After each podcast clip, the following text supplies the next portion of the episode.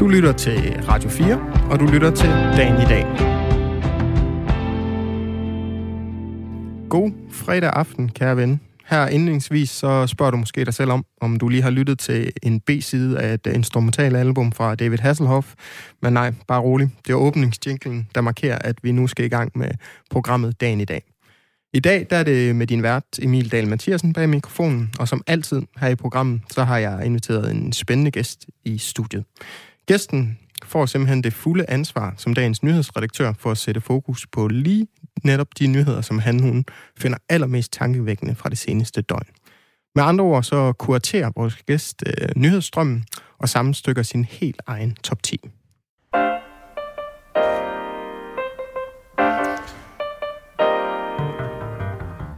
Ja, og når dagen i dag byder vores gæster og vores lytter velkommen, så gør vi det selvfølgelig altid med en herlig sang på læben.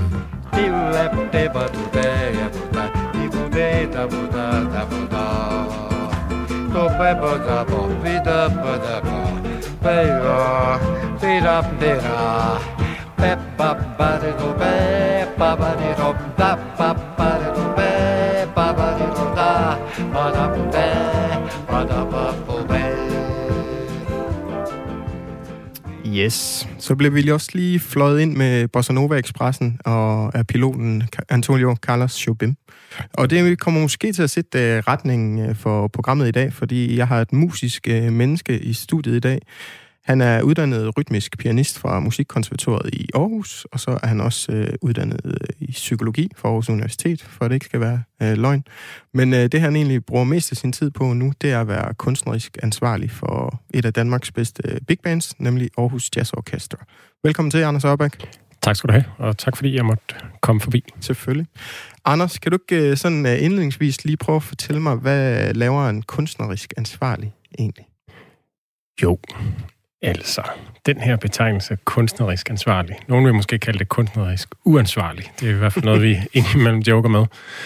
Men jeg sidder nede ved Aarhus Jazz Orkester, og jeg vil sige, sammen med musikerne i orkestret og sammen med den øvrige administration, så planlægger jeg, hvad det er for nogle projekter, orkestret skal lave. Okay. Vi er jo et øh, basisensemble. Der er fem basisensembler i Danmark. Øh, fire af dem beskæftiger sig med klassisk musik, og vi er så det femte, vi beskæftiger os med rytmisk musik i al, al, almindelighed, men med vores hovedfokus på, på jazz og relaterede genrer. Okay, så man kan sige, at du sidder og trækker lidt i trådene om bag kulissen. Ja, øh, det gør jeg nemlig. Ja. ja. Men som kunstnerisk ansvarlig, så øh, for at forstå det ret, så står man ikke og dirigerer orkestret simpelthen. Man, man er mere øh, behind the scenes. Jeg sidder og bruger det meste af min dag på at øh, kigge ind i en computerskærm og ja. sende e-mails til alle de mennesker, vi gerne vil samarbejde med. Så ja. skriver jeg en masse støtteansøgninger, Ja, og laver simpelthen en masse programplanlægning. Men nej, jeg er aldrig med på scenen, kun hvis jeg skal dele en blomsterbuket ud, eller byde velkommen til publikum, eller fortælle lidt om, hvad et big band er, som jeg gør, ja. øh, gør i, i ny ja. Og så har vi nogle rigtig gode dirigenter tilknyttet, som vi bruger. Okay. Øhm, ja. Og så kan man jo sige, at vi er jo inde i en uh, tid uh, med corona og så videre, hvor der måske har været skåret lidt ned for aktiviteten for, for big bandet. Uh, måske har det ikke betydet så meget for dig per se, fordi du netop er placeret bag computeren, men det har jo betydet noget med, hvordan du skal strukturere dit orkester, og ja, netop øh, måske ikke kan komme ud og spille. Hvordan har, har tiden været for jer øh, de sidste mange måneder? Jamen, jeg tror, som, som for så mange andre øh, kulturinstitutioner, så har det været en meget, meget speciel tid, hvor vi har genopfundet os selv adskillige gange. Jeg synes i al beskedenhed, vi har været rigtig gode til at øh, hele tiden at skabe nye koncerttilbud, som kunne passe ind i de restriktioner, der nu har været på de givende tidspunkter. Ja. Vi har været ude og spille en masse i mindre konstellationer. Spillet foran vinduerne på plejehjem, spillet ude i skolegårde, øh, spillet på caféer øh, med færre musikere i gang. Ja. Øhm, og vi har lavet Big Band-koncerter, og de vi lavede de første, altså efter nedlukningen, så tog vi fat på, på vores Big Big Band-koncerter igen under Aarhus Jazz Festival. Ja. I samarbejde med Musikhuset. Og selvfølgelig for et begrænset publikum, mm. men jo stadigvæk et publikum, der får en stor musikalsk oplevelse. Ja. Så, så man kan sige, vi forsøger at gennemføre så meget vi kan. Vores publikumstal bliver i sagens natur ikke så høje, som de plejer at være, men, øh, men der er stadigvæk masser af mennesker, der får store musikalske oplevelser, og det, det er sådan set det, vi er sat i verden for at lave. Helt sikkert. Øh, så man kan sige, det, er også, det har også måske været et kreativt benspænd for jer på en eller anden måde, hvis man skulle kigge lidt øh, positivt på det, at, at der er kommet nogle nye tiltag ud af det. Det har det absolut. Det tror jeg, det har været for rigtig mange, og, og selvom man kan sige, hele coronanedlukningen og den situation, verden befinder sig i, som udgangspunkt er trist, så er der jo et kæmpe potentiale øh, i forhold til mange ting. Det tror jeg også, mange har oplevet. Altså i forhold til, hvordan man strukturerer sit arbejde, øh, og, og i det hele taget i forhold til, hvordan man definerer ja, sine, sine opgaver som institutioner, som øh, individ. Ja. Øhm, og det har der også været hos os. Det, har ja. Været, ja, det er en spændende tid. Har I haft nogen, fordi man kan sige, noget af det, der især var, var øh, hvad kan man sige, populært i, i corona, sådan opstarten, øh, var jo det her, når man kigger i hvert fald med de musiske briller på det, så var det blandt andet det her øh, fællessang, som Jonathan Faber stod for på, på DR. Øh, har I haft nogle af de her lidt mere virtuelle øh, indslag også, eller hvordan har det set ud? Det har vi. Altså noget af det allerførste, vi gjorde, fordi da, da det hele lukkede ned i foråret, der skulle vi til at ud og lave en masse børnejazz-aktiviteter og det kunne vi ikke lave, det blev aflyst. Og så øh, sagde vi, hvad gør vi så? Så lavede vi en online jazzbiograf for børn, sammen med Karl Kvist Møller, hvor mm. børn kunne komme ind og komme med øh, Beep Up the Bee, som den hedder, på sådan et lille jazzet eventyr. Ja. Og så kunne man, øh, så er der nogle tegneworkshops derinde også, man øh, kunne se, og så kan man tegne og, og, og lytte til jazz og komme på eventyr med Beep Up the Bee. Ja. Øhm, og vi, øh, altså det var ret improviseret det der, vi er jo trods alt uh, jazzmusikere nede ved Aarhus Jazz Orkester, og vi kan godt lide at finde på ting, og også bare uh, prøve at eksekvere dem lidt hurtigt, som man jo gør, når man improviserer, og det gjorde vi også med det her. Og vi blev uh, meget, meget positivt overrasket over, hvor godt det blev taget imod. Jeg tror, vi er faktisk lige har rundet omkring 40.000 sidevisninger inde i den der jazzbiograf. Og vi okay. har skolelærer fra hele Danmark, der skriver til os og spørger, om de må bruge det i deres undervisning, og om de må øh, ja, altså om de fortsat må bruge det her. Ja. Øhm, og det må de selvfølgelig gerne, og det er bare dejligt, at det bliver brugt, og det, og det bringer glæde. Ja, helt sikkert. Hvordan så, hvis vi tager temperaturen på, på jazzorkestret lige nu? Hvad, hvordan ser det ud? Og, og ja, det er jo selvfølgelig nærmest umuligt at planlægge fremadrettet i de her tider, fordi man ved ikke, hvordan bølgerne går og så videre. Men, øh, men hvad, hvad sidder du og arbejder med lige nu for aktiviteten for orkestret? Jamen, jeg sidder og kigger på 2021 og planlægger ting, som kan gennemføres også med de nuværende coronarestriktioner. Ja. Så man kan sige, at vores udgangspunkt er, at det ikke bliver værre, end det er nu, men at det måske heller ikke bliver bedre det næste år. Okay. Øh, og så må, vi, så må vi ligesom tage den derfra. Ja. Øhm, så er det stadigvæk i nogle små konstellationer, I kommer ud og spille, eller kan man opleve det fulde orkester? Som, hvor mange er der egentlig i orkestret, når I spiller fuld? Ja, men der er 17 mand, når vi spiller ja. fuld, og det kan man opleve. Det kan man opleve allerede her i, i efteråret, hvor vi også spiller koncerter, og det har vi også gjort siden sommer, og det kommer okay. man bestemt også til at kunne opleve i 21. Man kan sige, når vi prøver at indordne os restriktionerne, så gør vi det primært ved, at vi spiller store steder. Okay. I store koncerthuse, i store kirker, steder, hvor der er plads til, at vi kan have mange folk, men også god afstand. Okay. Øh, og lige en sidste ting, Anders, inden vi dykker ned i nyhedsstrømmen og den top 10, som du har udvalgt til i dag, så kunne jeg godt lige tænke mig at spørge dig omkring noget, som er lidt mere jazz-relateret også, at jeg fandt en video med, at I havde i jazzorkestret øh, spillet nogle koncerter med en robot. Det er rigtigt. Kan du ikke lige uh, kort prøve at give en lille indføring i, hvad det gik ud på? Jo, men det gik jo... Vi lavede et projekt sidste år, som vi kaldte for We Robots, hvor havde, vi havde besøg af robotten Shimon, øh, som er udviklet af Georgia Tech, som sådan er, er et af de førende universiteter inden for kunstig intelligens robotteknologi ja. i, i verden. De har udviklet den her musikrobot, der spiller marimba, og som kan lytte, og som kan se, og som man kan sige på, på sin egen begrænsede måde kan forholde sig musikalsk og improviserende til dens omverden. Ja. Så den lytter til, hvad der bliver spillet, og så finder den på noget, der passer Øh, så en robot til, kan faktisk godt improvisere? Ja, men det var jo i hvert fald det spørgsmål, som var ja. centralt i det her projekt. Og man kan sige, det er et åbent spørgsmål, og der bliver også givet nogle åbne svar. Jeg tror ikke, vi står tilbage med, med nogen klar fornemmelse af, øh, hvordan kunstig intelligens og robotteknologi kommer til at påvirke jazzverdenen. Men det er klart, det er en teknologi, der påvirker alle brancher, og påvirker ja. hele den måde, vi sammen eksisterer som, som mennesker. Og selvfølgelig kommer den også til at påvirke den måde, vi, vi spiller jazz på. Så ja. øh, det vil fremtiden vise. Det må vi vente og se. Man kan i hvert fald, øh, hvis man er interesseret, lige se en lille snippet af det inde på YouTube, hvilket jeg vil anbefale. Nu øh, dykker vi ned i nyhedsstrømmen, og det gør vi som altid lige med vores nyhedsgroove.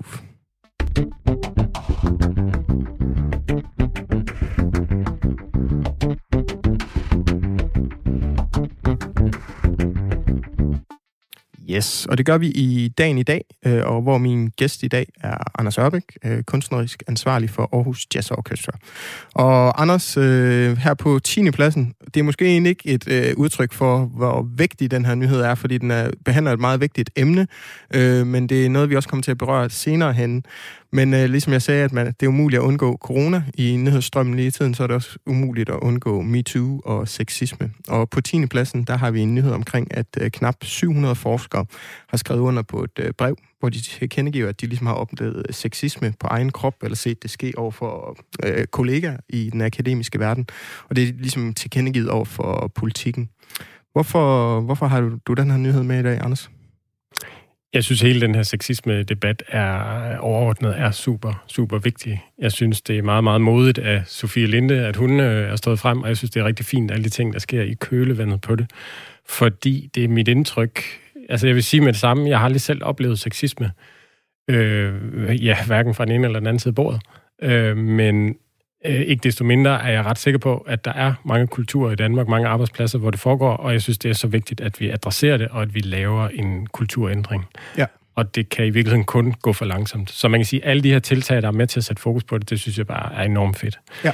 Og øh, vi er jo også som kulturinstitution, øh, vil jeg sige, det, vi, har ikke, øh, vi har ikke hørt noget nu, men jeg læste bare lige her den anden dag, at øh, kulturrådmanden Rabi har i gang en undersøgelse i kultur- og foreningslivet i Aarhus, som også skal afdække øh, sexisme. Mm.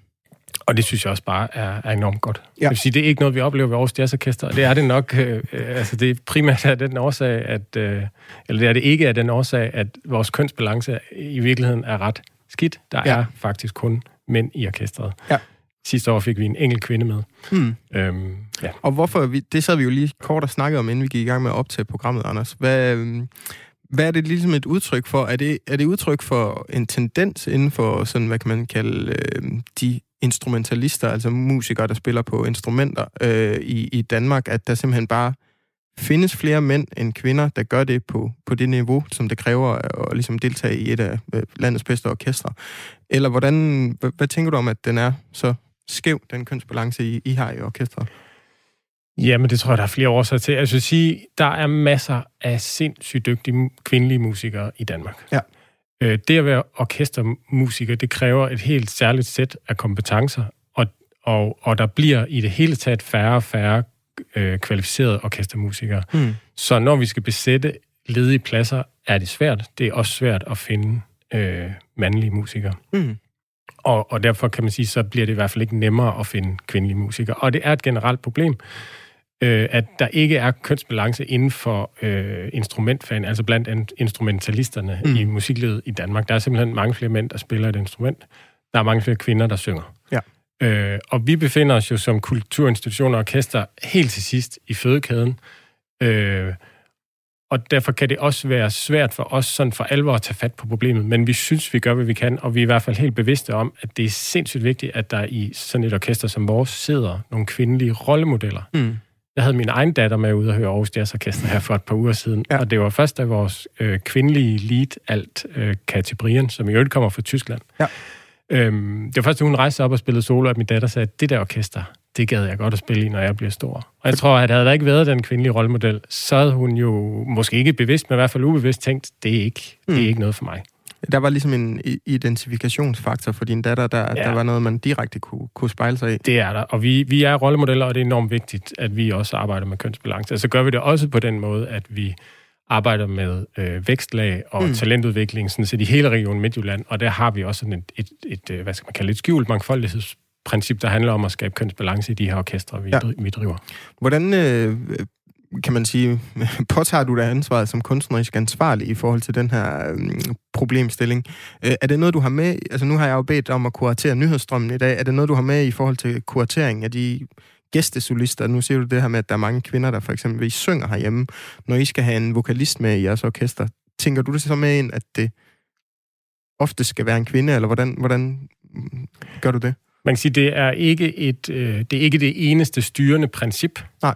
Øh, faglighed og, og kunstnerisk udtryk, vil jeg sige, kommer frem for alt, men det er noget, der hele tiden ligger og rumsterer i, i, i baghovedet når, i de valg, vi træffer. Ja. At vi gerne vil arbejde med kvindelige dirigenter, kvindelige komponister, kvindelige solister, og vi vil gerne have kvinder til at sidde i orkestret. Det, ja. det er bare enormt vigtigt. Det, det slår vi et slag fra her i hvert fald. Øh, og det er ikke sidste gang, kan jeg godt afsløre, at vi lige kommer til at berøre den her sag, der kommer lidt længere op på listen. Ja. Men øh, det tager vi til den tid. Nu bevæger vi os videre til nyhed nummer 9, øh, Anders. Og det er måske sådan lidt mere finurlig øh, nyhed den her gang, men det handler simpelthen om, at der er et øh, hobbyprojekt, som er startet af, øh, hvad hedder han, Torben Hermansen, som er fysiklærer. Øh, han har startet en velbesøgt øh, hjemmeside, der hedder suninfo.dk, øh, som simpelthen øh, kortlægger øh, Øh, og deler information omkring øh, sol, solens faser og dens højde på himlen. Så simpelthen sådan, hvad kan man sige, øh, en, en folkelig formidling omkring, øh, hvad er det egentlig, der, der sker ude i atmosfæren. Og hjemmesiden har haft omkring 800.000 brugere om året. Øh, og en af dem, der har været forbi øh, Suninfo, det er altså ordensmagten. Politiet bruger den også. Øh, så, og det fortæller Tom Hermansen, at det er fordi, der har været nogle højt profilerede morsager, øh, hvor han blev kontaktet af politiet øh, og bedt om at finde ud af, hvornår øh, de ligesom skal gå ud og lave en rekonstruktion, så lyset minder omkring øh, det tidspunkt, hvor mordet er blevet øh, øh, øh begået. Øh, hvad, hvad tænker du om den her nyhed, Anders? Hvorfor er den kommet på listen? Jamen, den er jo... Altså, jeg synes først og fremmest at bare, at det er enormt fascinerende, øh, hvad vi kan med vores videnskab. Og jeg synes altså, at det er fascinerende. Nu kigger vi på et lille, et, hvad skal man sige, et lille område af videnskab, men at vi med så stor præcision kan forudsige naturens gang. Ja. Hvis man tænker over det, og hvis man måske tænker over det sådan lidt mere i et filosofisk perspektiv, så er det faktisk ret vildt, at mm. vi så præcist kan forudsige, hvad der kommer til at ske om 10 minutter, om 10 måneder, om 10 år. Og måske gør det sig også gældende, eller kommer til at gøre sig gældende inden for alle mulige andre felter, også psykologi, som jo også er, et, er noget af det, jeg er uddannet inden for. Mm.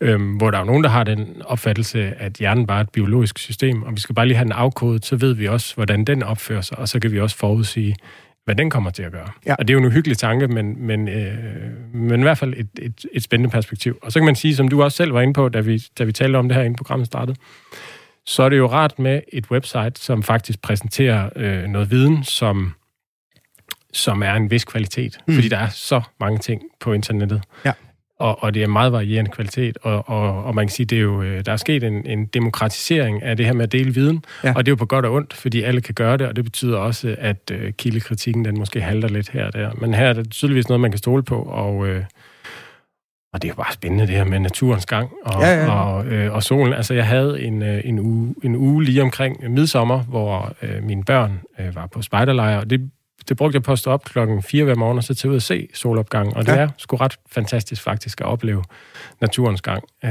når man nu bare øh, ellers sidder foran sin computer og taster i den, som jeg gør, når ja, jeg Og der kan du jo, Anders, hvis du går ind på soninfo.dk, så kan du finde ud af præcis, hvornår du skal tage ud og tage, se den smukkeste solopgang. Og Jamen det er det, og nu er jeg jo faktisk lige inde på den her side, jeg vil sige, øh, jeg kan jo se, jeg har gjort det, det øh, absolut øh, dårligste tidspunkt, hvor man skal stå aller tidligst op. Det vidste jeg jo godt lidt, men ja. altså... Men, så, kan du, så har du den viden til en anden gang i hvert fald. Det er og det, lille skud til Torben Hermansen, som øh, driver den her lille øh, website. Vi glider direkte over til nyhed nummer 8, som også handler lidt omkring klimaet og naturens gang, fordi øh, regeringen har simpelthen kommet med et tiltag omkring, at de vil have boligkøbere til at udskifte eller fjerne deres gamle øh, brændeovne. Og jeg tænker, vi kan lige høre indledningsvis, hvad vores miljøminister, øh, Lea Wermelin, hun siger til den sag. Hvert år så er der tusindvis af danskere, som dør for tidligt eller bliver syge af luftforurening. Og den forurening kommer øh, størstedelen af fra, øh, fra brændeovnene herhjemme, er det, der er den danske forurening. Og det er derfor, vi nu vil tage fat på netop brændeovnene. Yes, og således sagde Lea Wermelin. Øh, og det er simpelthen et lovforslag, som øh, der er blevet præsenteret, at det skal betyde, at boligkøber efter et ejerskifte vil skulle nedlægge eller udskifte brændeovne i deres nye bolig inden for 12 måneder, hvis brændeovnen er lavet før 2003. Anders, øh, det åbningsspørgsmål her. Har du brændeovn derhjemme? Det har jeg ikke. Men jeg kan godt lide at tage ud til en bål en gang imellem. Ja. Og jeg tænker, at det kan være, det er det, man skal til at gøre. Sådan Øh, jeg tror, der er nogen, der kommer på paraderne her og siger, at vi har haft vores brændeovn i de sidste 50 år, hvorfor kan vi ikke have den mere? Og ja. det, jeg tænker jeg bare, at øh, altså, verden går videre, og øh, det er måske lidt ligesom med de røde bøffer, at øh, måske skal man ikke spise dem hver dag, måske skal man bare spise dem en gang imellem. Og ja. så kan man jo tage ud i skoven og tænde det der bål. Øh, det er også hyggeligt. Ja. Jeg synes, det er fint, at vi ikke forurener øh, atmosfæren. Så vidt jeg er orienteret, så handler det her ikke så meget om CO2-udledning, for så længe man bruger bæredygtigt øh, dyrket træ, så er det sådan set øh, helt okay også at brænde det af, fordi det både ophober og frigiver CO2. Mm. Men det handler om luftforurening, om de her partikler, der, der spreder sig, som simpelthen bare er usundt for os og for vores børn at gå rundt i. Så ja, lige præcis. tænker jeg som udgangspunkt er en rigtig god idé ja. ikke at gøre. Og Miljøministeriet de vurderer, at der er omkring 700.000 brændeovne herhjemme, og hvor at 260.000 af dem, de er produceret før 2003, som ligesom var dem, de skulle have udfaset. Ja.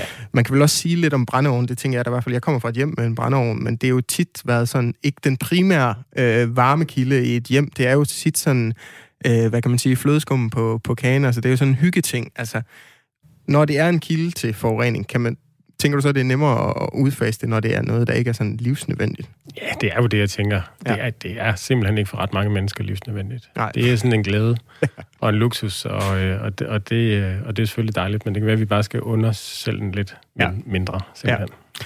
Det, øh, det støtter vi i hvert fald op om her fra dagen i dag.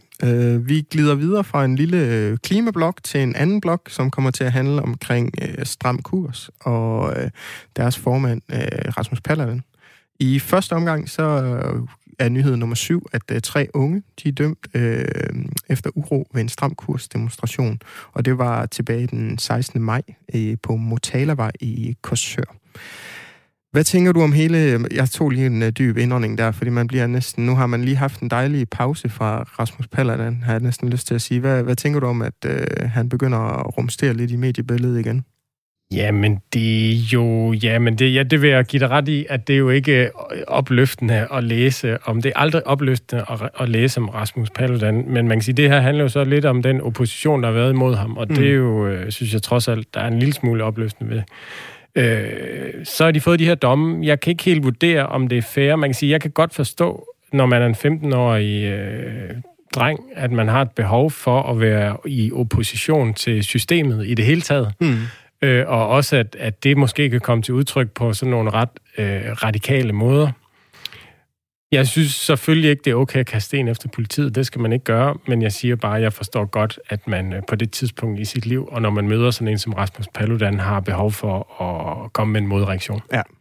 Ja, der, øhm, der er måske nærmest tale om, øh, altså, fordi han er så tilstedeværende karakter ved de her demonstrationer, at det, der bliver handlet lidt i effekt på en eller anden måde for de her Det gør det jo, ja. De er afmægtige, og, ja. og jeg kan godt forstå, at de gør, som de gør. Men man kan sige, at der har også været en anden mod bevægelse, som jeg i virkeligheden synes har været meget mere øh, konstruktiv, og i virkeligheden også effektfuld, og i hvert fald også helt i overensstemmelse med loven. Og det er den her bevægelse, der hedder Free Jazz mod Paludan. Ja. Og Free Jazz er jo noget sjovt noget. I mange ører synes de, øh, eller i mange ører er det måske noget larm. I virkeligheden, det er en elgammel jazz-tradition, hvor man stiller sig op med sine instrumenter, og så spiller man bare improviserer. Der er egentlig ikke aftalt noget på forhånd. Man øh, finder på efterhånden, som, øh, som tingene skrider fremad. Øh, og jeg tror nok, at Jytte Hilden engang har sagt om, øh, om pornografiske film, har hun sagt noget i stil med, at, øh, det jo, at det jo nok er sjovere at være med til, end det er at være publikum til. Ah. Og det samme kan man måske sige om free jazz. Ja.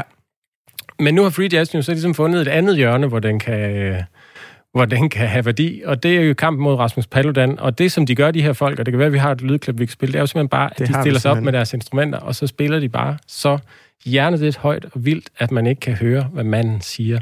Og det er jo bare genialt. Det må jeg bare sige. Jeg synes ja, simpelthen, det er Jeg så har fedt. fundet et lille klip fra øh, en demonstration i Rødovre, hvor flokken var dukket frem sammen med Rasmus Paludan, og det lød nogenlunde sådan her.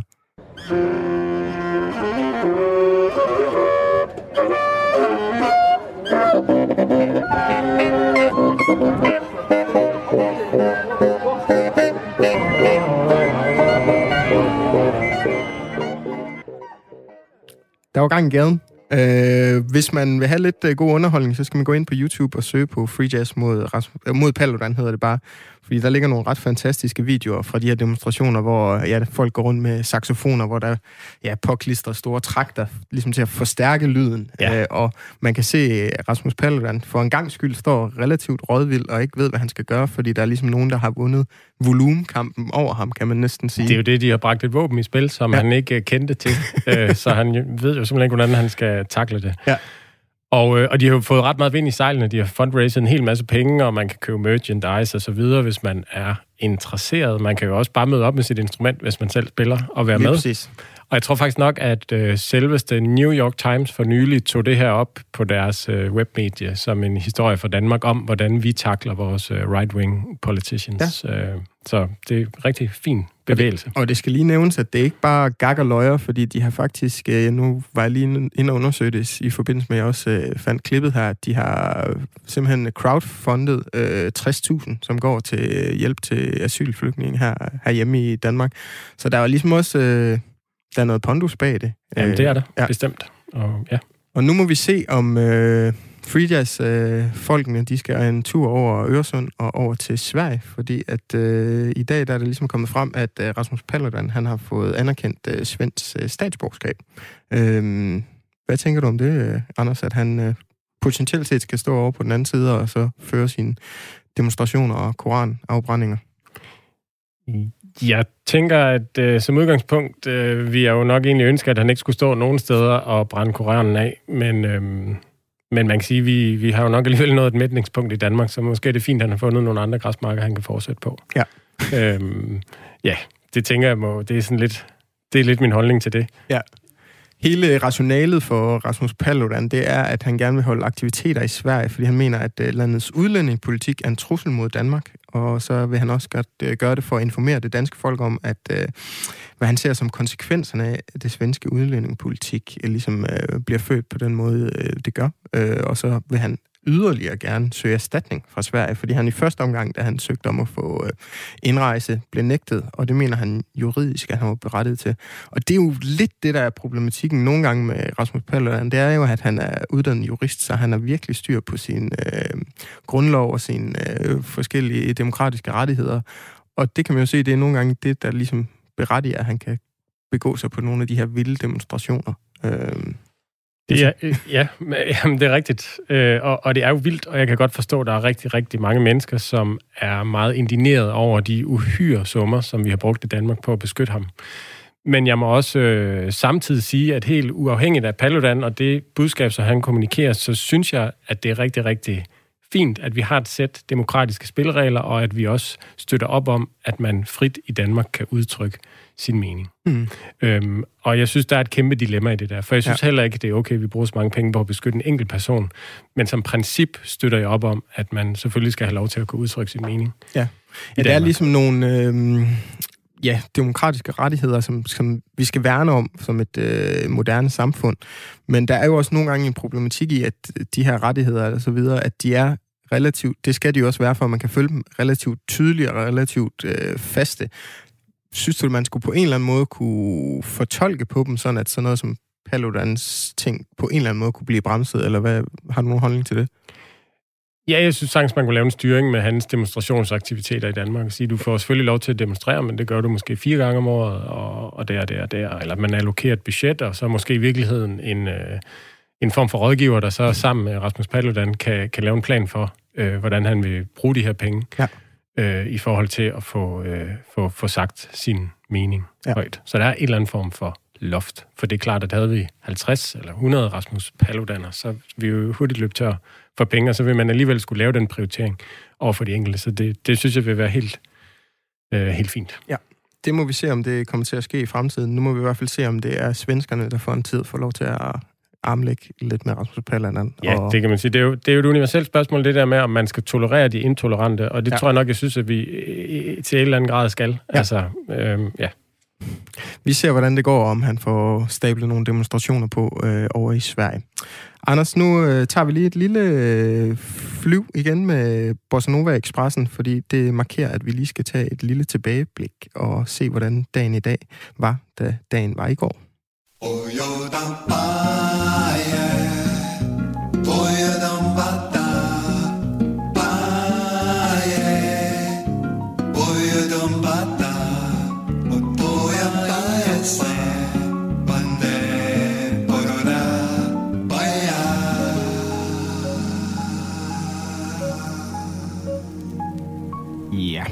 På denne dag, den 9. oktober, der kigger vi tilbage i tiden i programmet Dagen i dag, og det gør jeg, Emil Dahl Mathiasen, sammen med min gæst i dag, Anders Ørbæk, som er kunstnerisk ansvarlig for Aarhus Jazz Orchestra her i Aarhus.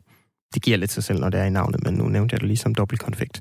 Øh, denne dag i 1914, der i forbindelse med Første Verdenskrig, der falder Antwerpen, efter at de britiske tropper havde gjort en sådan ligesom forsinket indsats for at støtte den belgiske hovedhær på 150.000 mand under ledelse af kong Albert den første af Belgien.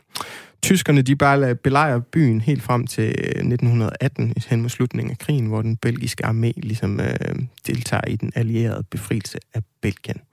Anders, ved siden af din øh, musiske år, render der så en historisk år, øh, som er interesseret i Første Verdenskrig og tilbageblik og så videre, eller hvordan har du med sådan noget? I, jamen, det, jeg synes, det er enormt spændende, når, ja. det, når det bliver formidlet for mig, ja. vil jeg sige. Men jeg er ikke sådan et øh, leksikalt, leksikalsk menneske, der, der kan den slags detaljer der på, på ryggraden, men jeg synes, det er enormt spændende. Altså, jeg synes også, krigshistorie, altså der må jeg, må jeg nok også bare indrømme, at der er en lille dreng i mig, der synes, at krig er fascinerende. Ikke, ja. at krig er en god ting, men at hele sådan krigsindustrien og alle de ting, der har udspillet sig gennem årene, er spændende. Ja. Som en lille afledt uh, nyhed på den her, så kan jeg jo sige, uh, at uh, i Antwerpen på næste søndag, den 18. oktober, det er også der, at øh, fra torvet inde i Antwerpen, at øh, det professionelle cykelfelt bliver sendt ud på nok det smukkeste løb på cykelkalenderen, Flandern rundt. Vi håber, det sker. Paris-Roubaix, der skulle køres søndagen efter, er lige blevet aflyst i dag på grund af øget coronatryk i, og rundt omkring Lille i Nordfrankrig. Vi krydser fingre, også der godt kan lide cykling i hvert fald. Øh, igen noget, der lugter lidt af kni, øh, krig i hvert fald, eller i hvert fald en, der havde en stor rolle i 2. verdenskrig den her gang. Så øh, på denne dag i 1940, der blev Winston Churchill valgt til leder af det konservative parti i England. Og han havde jo spillet en hovedrolle i 2. verdenskrig og har holdt nogle dundertaler til nationen osv. Så, videre. så hvis man har sådan lidt retorisk over, så kan man i hvert fald gå ind og få øh, styrket sin, øh, sit øh, tro på sig selv ved at se nogle af de, de taler her. Har du nogen øh, holdning til Churchill og så videre, Anders? Altså, Churchill er jo en, der tit bliver bragt frem, når man diskuterer kulturpolitik, fordi man henviser til det her, han engang sagde, jeg tror, det var i slutningen af 2. verdenskrig, hvor han siger til sine øh, ministre og ministerier, nu må alle ligesom holde for, fordi vi har brug for penge til at drive den her krigsmaskine. Ja. Men han lagde en hånd over Kulturministeriet. De er jo de eneste, som fik lov til at beholde deres budget. Fordi han sagde, uden kulturen, hvad er det så, vi kæmper for? Jeg har så hørt, at den her historie, den er opdigtet. Men jeg synes alligevel, den er så god. Der er noget smukt over den. Der er noget smukt over den, så ja. jeg vil i hvert fald blive ved med at fortælle den stedigt. Ja øh, og, og pure nægte, at den måske faktisk slet ikke har fundet sted. Måske ja. det er i virkeligheden en anden, der har sagt det. Jeg synes i hvert fald, det er godt sagt. Churchill og, har taget patent på den i hvert fald. Nu... og, det, og det er stadigvæk vigtigt. Det er stadigvæk en vigtig kamp. Ja. Og, ja det må man sige, og der kan man jo sige, der var noget af den ånd, kunne man måske godt have manglet herhjemme, da Joy Mogensen var ude at sige i krisetiden. Der var det, det ikke kunne lige, man nemlig. ja, det kunne man nemlig tid til at snakke om kultur og kulturpolitik. Nej. Men øh, den sag skal vi ikke til at dykke ned i. Det har vi gjort så rigeligt i det her program. Ja. Men noget, der også lugter lidt af kultur på denne dag, øh, den 9. oktober i 1973, der blev selveste The King, Elvis Presley, han bliver skilt fra sin øh, kone Priscilla efter seks års ægteskab. Hun får halvanden millioner dollars og et hustrubidrag på 4200 dollars om måneden. Han dør desværre fire år efter øh, Elvis. Jeg har, når jeg støder på noget med Elvis, Anders, og så øh, har jeg lyst til at sende den over til dig som kunstnerisk leder og musisk menneske. Jeg har aldrig rigtig kunne finde ud af det her med Elvis. Han er jo kæmpe, kæmpe stor og populær og sådan noget, men der har også altid været et eller andet, der, ham, der lugter sådan lidt af, at han er ikke sådan accepteret i de sådan højkulturelle kredse og så videre. Har du nogen øh, holdning til Mr. Presley?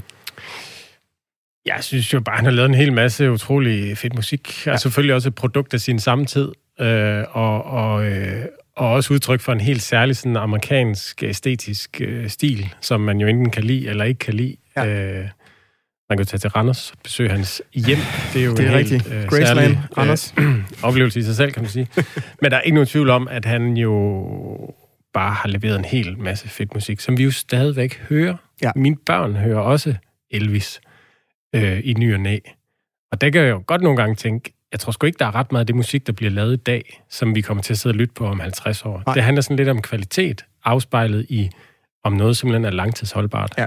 Og der må man bare sige, Elvis har vist sig at være virkelig langtidsholdbar. Ja, han har stand the test of time, må, ja, det han, må han give ham. En ja. lille anbefaling herfra, hvis man vil høre noget, der ikke bare er de allerstørste hits, så skal man høre den plade, der hedder From Elvis in Memphis, hvor han spiller med The Memphis Boys, som blandt andet også var nogle af dem, der indspillede øh, på Dusty Springfield i Memphis, som var her Son of a Preacher Man, som mange af os nok kender, kommer fra. Det, det er svedigt spillet. Absolut. Og så også nu her, når vi nærmer os øh, juletiden, ja. øh, Elvis' juleplade, som i hvert fald altid er på hjemme hos os. Den går rent ind. Vi slutter også lige med en øh, historisk musisk nyhed, og det er fejringen af en fødselsdag, eller en fødselsdag, der ville have været øh, på denne dag, øh, 9. oktober i 1940, der blev John Lennon født, og i år ville han jo ligesom have været øh, blevet 80 år gammel.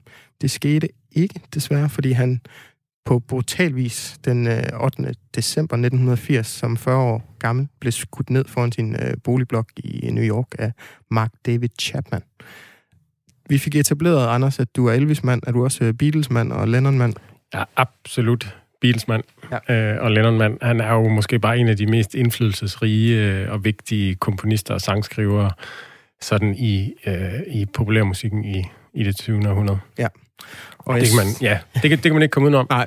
Øh, og jeg tror, at han er måske også sådan lidt ligesom en øh, David Bowie-figur, hvor man kan sige, det kan godt være, at man ikke har lyttet til Beatles, men så har man altså lyttet til orkestre, som har lyttet til Beatles. Ja, lige præcis. Øh, ja. Det er ligesom ringe i vandet, der spreder sig. Det er ringe i vandet, der ja. spreder sig, og de har simpelthen formet øh, populærmusikken. Øh, ja. ja. En øh, tanke bliver sendt i hvert fald til John Lennon på denne dag. Vi øh, hopper tilbage i en nyhedsstrøm med vores lille groove her. Yes,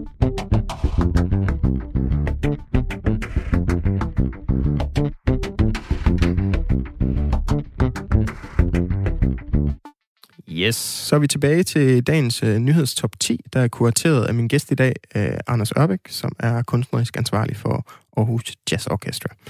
Anders, uh, vi har sådan uh, lidt tematisk delt uh, top 10 ind i dag uh, i forhold til noget klima, så havde vi noget Rasmus Paludan, og nu går vi uh, over Atlanten til, ja, The Land of Opportunity, USA, og kigger lidt på valget derovre. På femtepladsen, der har vi en nyhed omkring, at amerikanerne indtil nu har stemt til præsidentvalget den 3. november i hit, hidtil uset omfang. Og allerede nu, der har mere end øh, 6,6 millioner amerikanere stemt. Hvad, hvad tænker du om det amerikanske valg og hele øh, tilstanden i USA lige nu med præsidentdebatten? Ja, hele valget og præsidentdebatten er jo øh, først og fremmest underholdende, kan man sige. og, øh, og der er jo det her udtryk, øh, man nogle gange siger, you can't make that shit up. Og det vil sige, det, det gør sig virkelig gældende for den her øh, præsidentvalgkamp. Altså, ja. For det er jo helt vildt, hvad man ser, øh, hvad der bliver sagt, hvad mm. der bliver gjort. Øhm, og det er selvfølgelig også alvorligt, fordi det er alvorligt, øh, at USA er så splittet og så polariseret, som det er. Ja. Og jeg tror, at den demokratiske samtale i USA har det rigtig, rigtig skidt. Men i forhold til det her, du sagde, det er det lidt sjovt, det her med, at øh, overskriften netop er, at nu har amerikanerne stemt i hidtil uset omfang. Men når man så læser ned i teksten, så kan man se, at, det, at de regner, deres prognose siger, at 65 procent af alle stemmeberettigede regner de med at komme til at stemme. Og ja. det er jo virkelig, virkelig lavt i forhold til Danmark, hvor jeg mener, den ligger på 85, nogle gange 90. Eller lige, lige. præcis. Vi har i hvert fald en af de højeste i hele verden, ja. og ligger på nogle helt andre procenter end det her. Og der står jo også, at uh, prognosen her med de 65 procent, det er jo, vil være den højeste uh, valgdeltagelse siden 1908 det er jo... Det er sgu ret vildt, fordi ja. man tænker, det er jo et enormt vigtigt valg, og faktisk kan have det sådan med det amerikanske valg, øh, præsidentvalg, at øh, jeg tænker nogle gange, det har større indflydelse på mit liv, end det har om det er Mette Frederiksen eller Lars Løkke eller den unge Ellemann, der sidder ja. og er statsminister i Danmark. Mm. Øh, så derfor er det et enormt vigtigt valg. Ja. Og det er også, at jeg kommer til at se, sidde og se der på valgnatten med, med spænding, fordi ja, ja. jeg tænker, at det her der er helt klart indflydelse også på, hvordan øh, det bliver at være europæer mm. de næste fire år, måske også øh, langt ud i fremtiden. Ja.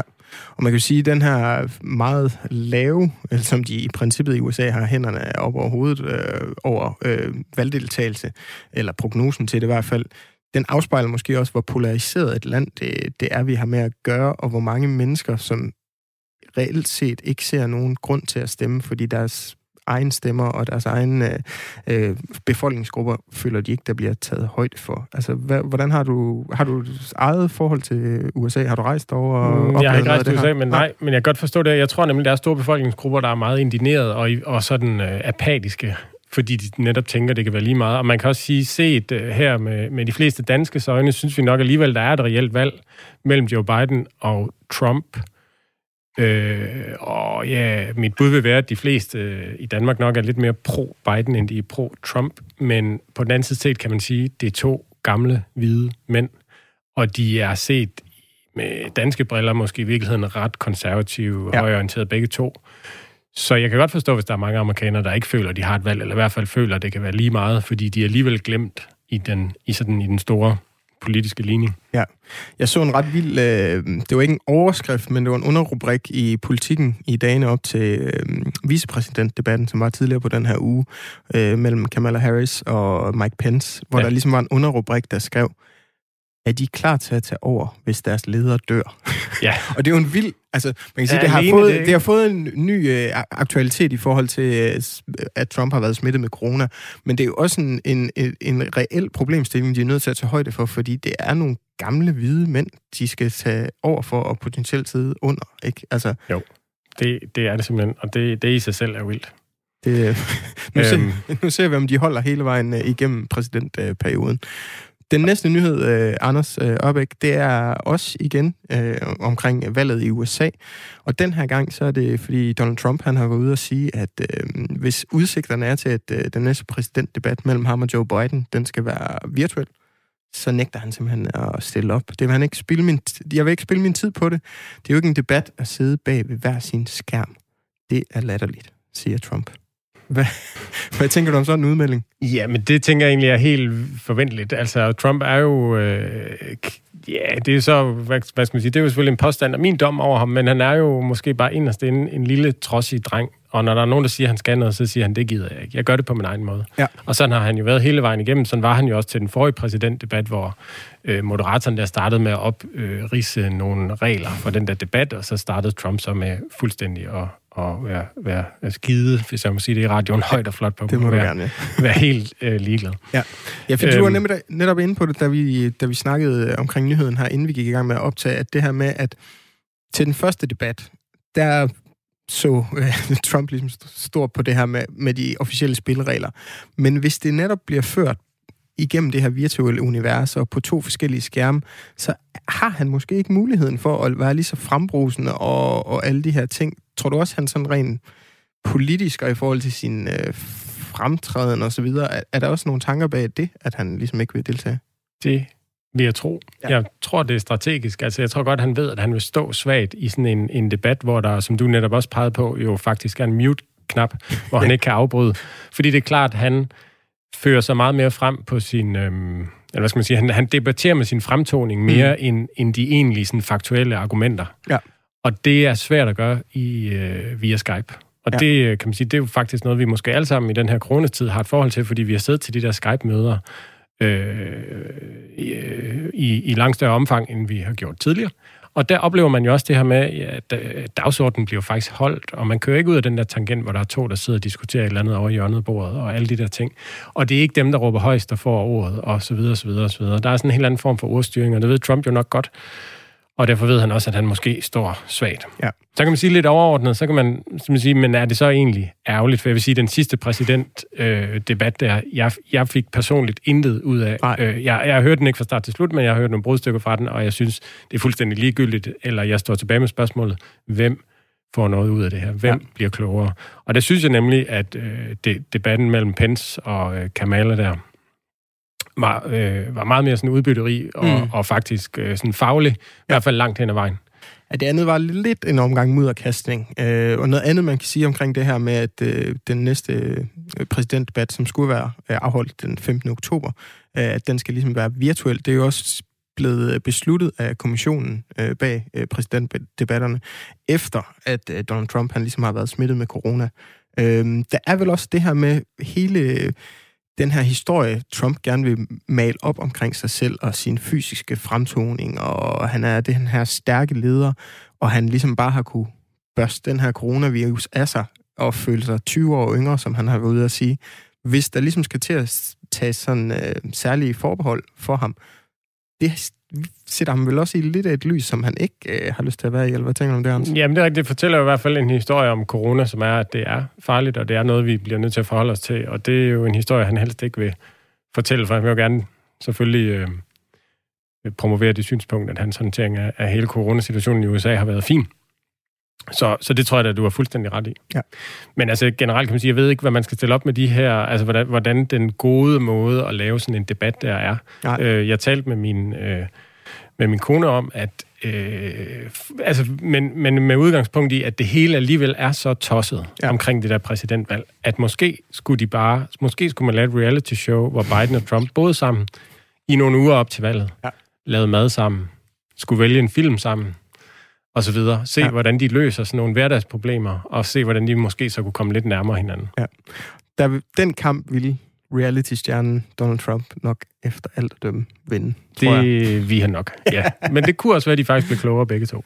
Det er ikke til at vide. Vi må arbejde lidt videre med det koncept. Øh, Anders Ørbæk, vi bevæger os ind i endnu en blok, efter vi lige har været over Atlanten, så kommer vi hjem til lidt mere kendte øh, himmelstrøg. Vi øh, kommer nemlig til at berøre noget, som var faktisk den allerførste nyhed, vi kom til at snakke om, omkring sexisme. Øh, og det er jo umuligt at gøre i disse øh, nærværende dage, uden at også komme ind på radikale venstre. Og der har ligesom været nogle øh, meningsmålinger fremme, øh, som siger, at næsten knap halvdelen af danskerne har ligesom været øh, ja, svaret, at de er enige, helt enige, eller overvejende enige, at det var en rigtig beslutning, at øh, Morten Østergaard, han trak sig som politisk leder for det radikale venstre, efter den her sag omkring, at han skulle have ja, befamlet øh, Lotte Rod. Øh, hvad tænker du om hele, hele den her sag med de radikale lige nu, Anders? Jamen, jeg tænker mange forskellige ting. Der er også et andet tal i den der nyhedstekst, som er, at 68 procent, de øh, synes, at håndtering... Nej, hvor er det? Dernede 56 procent, de mener, at sagen om Morten Østgaard er et udtryk for, at debatten om sexisme i Danmark er gået for vidt. Og det er egentlig sjovt, man har de to tal, fordi det er som om, der er nogen, der mener flere forskellige ting. Og det ja. kan jeg godt forstå. Mm. Fordi der er både selve den sexistiske handling, som mm. blev foretaget for 10 år siden, og så er det jo det her med måden, hvorpå han har håndteret den her sag. Og ja. det tror jeg bare er, er vigtigt øh, lige at adressere mm. det her med, at han ikke afgår som politisk leder, fordi at han har lagt sin hånd på det lår for 10 år siden. Det er fordi, han har håndteret øh, sagen forkert, og han har løjet for sin folketingsgruppe. Ja. Og i virkeligheden, hvis man breaker det lidt ned, så er det lidt ligesom... Øh, så er det den samme problemstilling, man kan have med sine børn. Mm. Øh, som nemlig er, vi er alle sammen kommet til at lave noget lort. Men det dur bare ikke at lyve omkring det. Nej. Det har jeg også sagt til mine drenge flere gange. Det er helt okay. Vi kan alle sammen komme til at lave noget lort, men du bliver nødt til at sige det. Ja. Det er som om, det ene er en enkeltstående handling, det andet det er et sæt af spilleregler, som vi bare bliver nødt til at indordne os. Så jeg kan godt forstå, at han træder af som politisk leder ved det radikale venstre, fordi man kan ikke have en leder, der lyver over for sin folketingsgruppe, heller ikke i mit perspektiv. Nej. Det er selvfølgelig ærgerligt for partiet, det er ærgerligt for hele øh, sexisme-debatten, også mm. fordi der er også en masse brændstof til dem, som vil øh, hele MeToo-bevægelsen det ondt, kan man sige. De får også en masse argumenter nu. Mm. Så på den måde er det bare på alle måder en, en træls sag, ja. men en vigtig sag. Ja, og man kan jo sige, at det der også er det overvejende, i hvert fald billedet i, i medierne og kommentarerne derfra, det er jo netop også, at det er håndtering mere end det er den reelle sag, fordi der er også noget, vi mangler noget mere indsigt i, hvad, hvad er det, der ligesom har været handlingen og så videre. Ja. Øhm, så, så håndteringen har i hvert fald været helt, helt forkert.